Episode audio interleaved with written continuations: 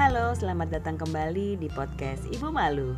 Ketika berceloteh adalah kebutuhan dan pastinya masih bareng saya Cipi, si Ibu Malu. Pernah nggak sih ngerasain waktu 24 jam itu kurang? Dulu saya sih sering banget ngerasa begitu. Tapi setelah saya pikir-pikir, aneh banget sih kalau saya menyalahkan waktu. Karena kan sebenarnya waktu itu ya begitu itu. Udah paten dari sananya. Emang dasar sayanya aja manusia yang selalu mencari alasan dan pembenaran. Saat lagi terhimpit deadline sering banget saya tuh menyalahkan waktu. Uh waktunya kurang nih. Tuh kok cepet banget sih waktu berjalan? Seolah-olah sang waktu itu begitu itu kejamnya. Padahal waktu nggak salah apa-apa, ya kan? Waktu ya seperti apa adanya, datang lalu pergi, sesuai ketentuannya. Di waktu yang lain, saya juga sering menjadikan waktu sebagai excuse. Contohnya nih, saat lagi kesel sama temen yang ngoceh-ngoceh nggak penting, dalam hati tuh saya suka mengumpat buang-buang waktu gue aja deh nih orang. Padahal waktunya juga nggak kenapa-napa sama teman saya. Sayanya aja yang emang nggak minat sama percakapan dia.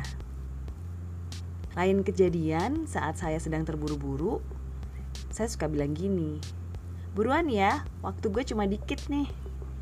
Padahal kan ya jumlah waktu itu kan selalu sama ya. Nggak pernah berkurang atau bertambah satu jam ya 60 menit. Satu hari itu ya 24 jam. Satu bulan itu ya 30 atau 31 hari. Sayanya aja sih yang mungkin gak bisa memanfaatkan waktu saya dengan baik. Tapi kok ya tetep sang waktu yang saya jadikan alasan. Lucunya lagi kadang saya suka bilang sorry ya gue gak ada waktu. Nah kalau dipikir-pikir secara harfiah Mana mungkin kita nggak punya waktu? Waktu itu kan selalu ada ya bersama kita. Sayanya aja sih yang kayaknya belum mampu mengalokasikan waktu dengan baik. Tapi jujur aja nih ya, di sisi lain saya juga butuh banget sama waktu. Saya tuh sering banget menambahkan waktu pengen punya waktu istirahat yang cukup, kangen waktu di mana saya bisa tidur seharian, butuh waktu lebih lama untuk melakukan sesuatu yang saya suka. Pokoknya banyak banget deh kebutuhan akan waktu. Jadi, kesimpulan saya nih, hubungan saya sama waktu itu unik. Ibarat pacaran tapi lagi jenuh.